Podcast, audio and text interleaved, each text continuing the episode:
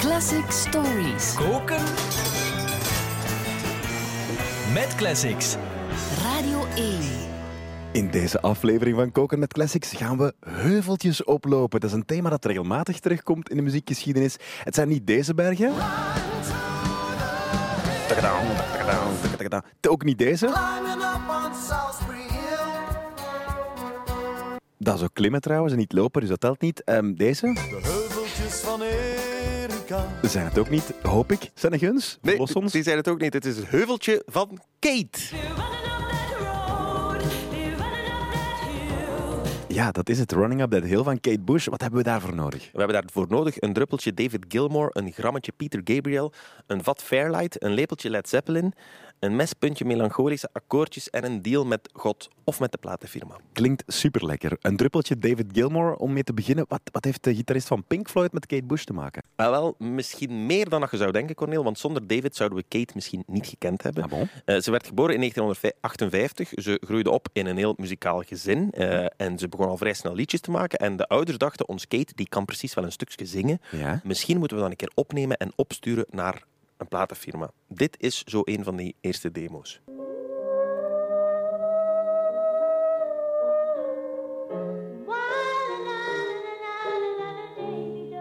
Ik zal het niet meteen op een plaat persen, maar het klinkt wel heel mooi. Het heeft wel iets. Hè, ja. Ja. Het klinkt natuurlijk wel beetje overstuurd. Mhm. En zoals we weten, Corneel, platenfirma mensen die hebben vaak eh, bankrekeningen en hitlijsten in plaats van gewoon echte emoties tussen hun oren zitten. Dus Ja. die dachten, "Hmm, hier kunnen we niks mee, dat is te raar, daar gaan we niet mee doen. Mhm. Familie Bush was triest, maar via een gemeenschappelijke kennis kwamen ze toevallig bij David Gilmour terecht. Ah, oké. En David Gilmour die dacht, de platenfirma's die zijn mis. Dit wordt ongelooflijk goed. We gaan dat opnemen in betere kwaliteit. Ik ga Andrew Powell een beetje viooltjes laten schrijven. En toen... He's here again. The man with the child in his eyes. The Man with the Child in His Eyes. Een hit. Voilà. Die dus ooit oorspronkelijk door David Gilmour als demo werd opgenomen. En toen dacht EMI, ah, precies, precies, er precies toch wel iets in. En de carrière die was vertrokken. Dus dank u wel, David. En het leuke is, een jaar of tien later, toen ze al wereldberoemd was, heeft ze Running Up That Hill live vertolkt met niemand minder dan David Gilmour op gitaar en op backing vocals.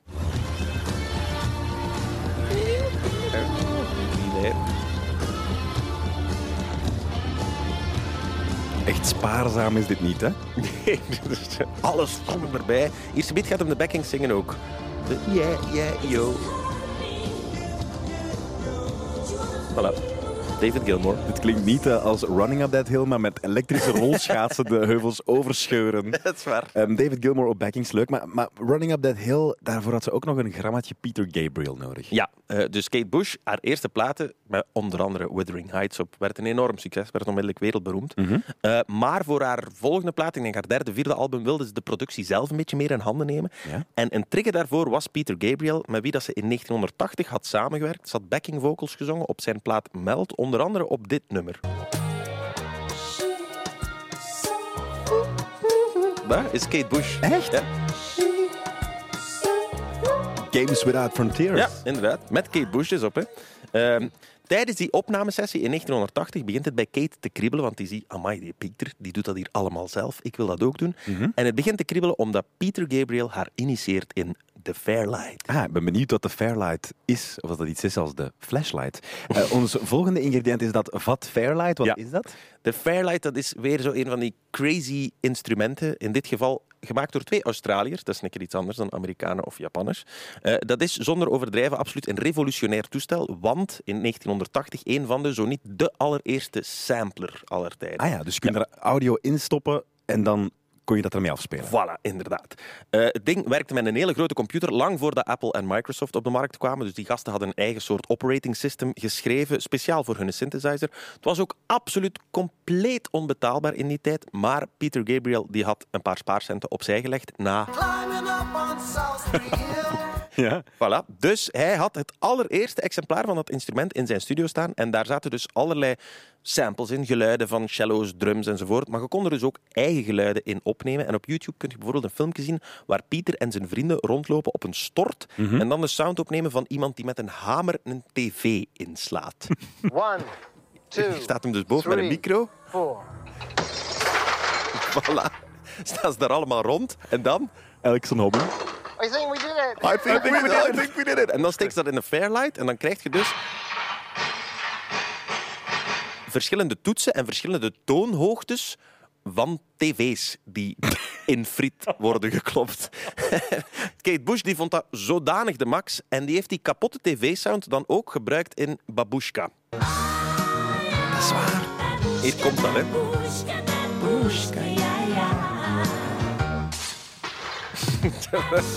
Daar is hem. En zo leuk, we doen het gewoon nog eens. Klonk. Voilà. Ik dacht altijd dat dat een, een, een spiegel was, die video. Nee, het is dus de, de sound van. Peter Gabriel die een televisie in Kapot slaat. Voilà, ja. Ehm, en daarna gebruikt ze de Fairlight ook op Running Up That Hill. ja, vol een bak. Ze was Ja. zo blij met die kapotte tv dat ze dacht, ik ga dat toestel ook gebruiken voor mijn volgende plaat. Bijna alle synthklanken op Running Up That Hill en op heel haar vijfde plaat trouwens, die komen uit de Fairlight. Om te beginnen, die lage droneklank van in het begin, die doorloopt. Dit was een sample uit de Fairlight. Ah.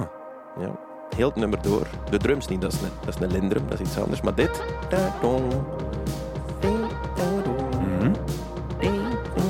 Dat is een, een, een shallow sample uit de Fairlight. Sorry, is dit, dit is Dit is shallow in de jaren dan 80 eigenlijk. dachten ze Ja, dat de cello zo klonk. Ja, hij klonk normaler, maar ze heeft hem een beetje verwerkt. eh.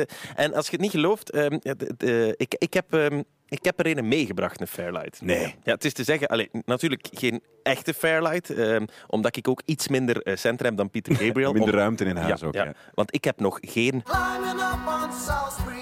Ik heb nog geen Salisbury Hill geschreven. Eh, maar dus ik heb, de Fairlight dat was eigenlijk niet anders dan een stuk software. Mhm. En er is een, eh, een, een softwarebedrijfje, Quasar Beach, Mhm. die dat nu heeft uitgebracht, heruitgebracht. Dat kost Quasar niks, dus ik heb dat meegebracht. Eh, dat ziet er ook ongelooflijk uit. Dat ziet eruit alsof dat je... ehm, ja, hoe, hoe moeten we het omschrijven, Corneel? De, de, Ik denk dat ze op Kleine Brogel ook zo'n programma staan. ja, alsof dat Zuid-Korea die zo in een film van in de jaren 90 een kernbom zou lanceren, dat is ook op dit soort eh, Ja. software. Zo groen op zwart, een Ja. soort MS-DOS. En ik heb dus de, de shallow sample hier, hier ingeladen. En als je dan, als je dit zou spelen, dan krijg je, moet dan de juiste lettertjes induwen. Ja.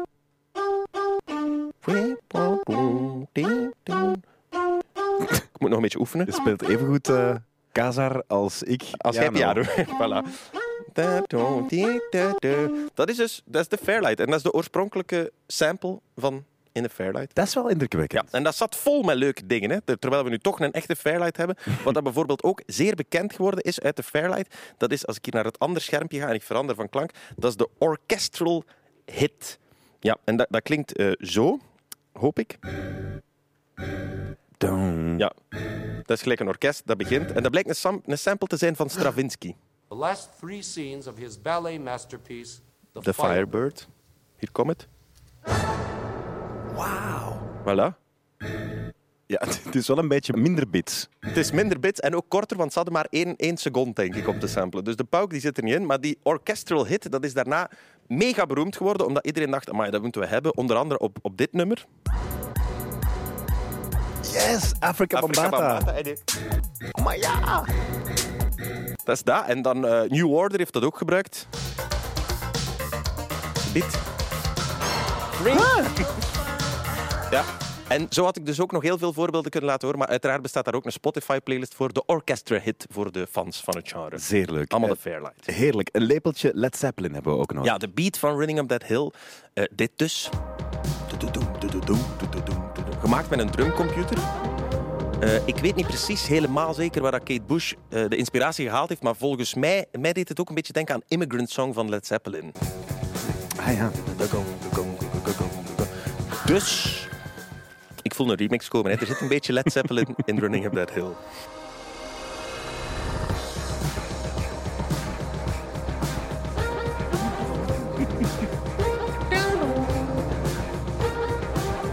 En hier dan nu de... Immigrants running up that hill. eh, Dat heb ik zelf even ingezongen. Ja, Robert Plant zal moeten opletten voor Seneguns. dat denk ik ook. Pas maar op, Robert. Voilà. Dat is dus ook... Dat is de beat. Eh, we zijn er bijna. Nog een mespuntje melancholische akkoordjes. Ja, dus we hebben de beat al geanalyseerd. Die komt volgens mij van Led Zeppelin. De akkoorden, dat is eigenlijk heel, heel het nummer door, heel melancholisch. Zo twee majeur akkoorden. En dan minor akkoord. Da, do, da, do. Falling in love with you.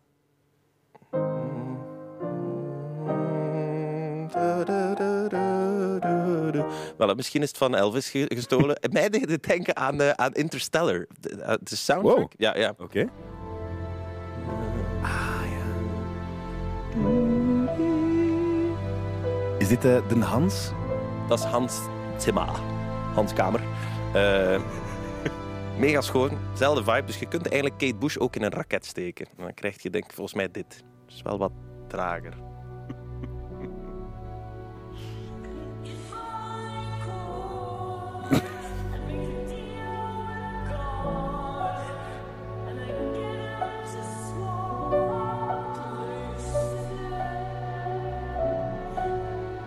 Ziet ze toch al vliegen? Ja, het is alsof ze al losgelaten is in de ruimte. Ja, het is waar. Met haar fairlight. Voilà. Oh, running up that melkwegstelsel. Ja. Recht naar de hemel. ehm, maar daar kan ze ook haar laatste ingrediënt gaan halen. Een deal met God of met de platenfirma. Ja. Wat kiest ze? Ze kiest in dit geval voor een deal met de platenfirma. Dat lijkt me ook een goed idee. Ze wou oorspronkelijk het nummer eh, Deal with God eh, noemen. Eh, naar een stukje in het refrein. En deal with God, deal with God. Maar de platenfirma zei, ja, maar dat gaat niet gedraaid worden. Een titel met God in, in de Verenigde Staten, in Italië, in Spanje. Je moet daar niet mee afkomen. Ze zegt dat ze er altijd heel haar leven spijt van gehad heeft. En daarom heeft ze het lied later ook hertiteld naar Running Up That Hill. Tussen haakjes, Deal with God. Nee, nee, nee. Compromis. Nee, nee, compromis, inderdaad. Maar volgens mij is het toch niet zo erg dat ze de deal met de platenfirma gesloten heeft en gewoon het lied Running Up That Hill genoemd heeft. Want de platenfirma die betaalt doorgaans beter Dan dan God. denk ik. Ja. Dat is waar. Maar achteraf, dat weten we nog niet. Sanne. Nee, dat weten we niet. Dat is waar. Dat is een mooie filosofische bedenking. We gaan luisteren. Running up that hill, Kate Bush. Dankjewel, Sanne Guns. Graag gedaan.